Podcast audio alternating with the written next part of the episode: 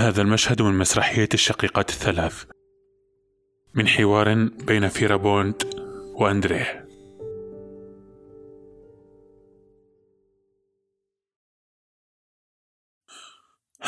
الرئيس أرسل لك كتابا وورقة لا أدري ما هي. تفضل. شكرا. ولماذا جئت متأخرا هكذا؟ فالساعة تقارب التاسعة. ها؟ أقول جئت متأخرا الساعة تقارب التاسعة.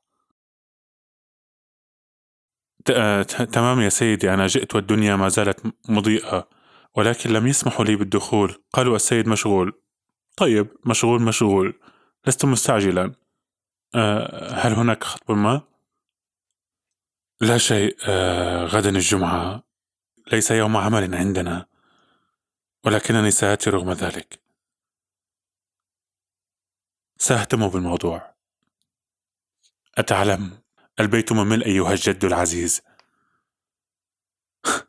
ما أغرب تحولات الحياة. وكم تخذلنا.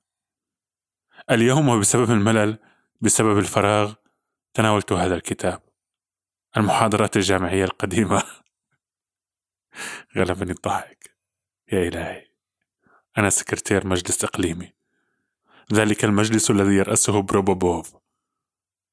أنا السكرتير. وغاية ما أستطيع أن أؤمل به أن أصبح عضوا في مجلس إقليم. أنا أصبح عضوا بمجلس الإقليم المحلي.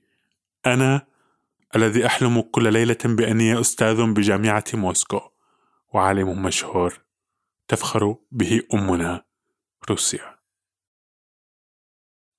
أه لا أفهم يا سيدي سمعي ثقيل. أه لا علم لي. لو كنت تسمع جيدا ربما ما تحدثت إليك.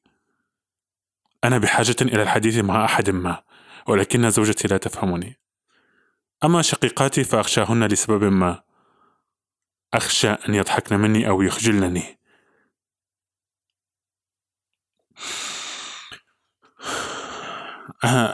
أنا لا أسكر. ولا أحب الحانات. ولكن كم يطيب لي لو كنت الآن جالسا في حانة تيوستوف بموسكو. أو حانة موسكو الكبيرة يا عزيزي. تجلس في موسكو في قاعة ضخمة لا تعرف أحدا ولا أحد يعرفك. وفي الوقت نفسه لا تشعر بنفسك غريبا. أما هنا فأنت تعرف الجميع.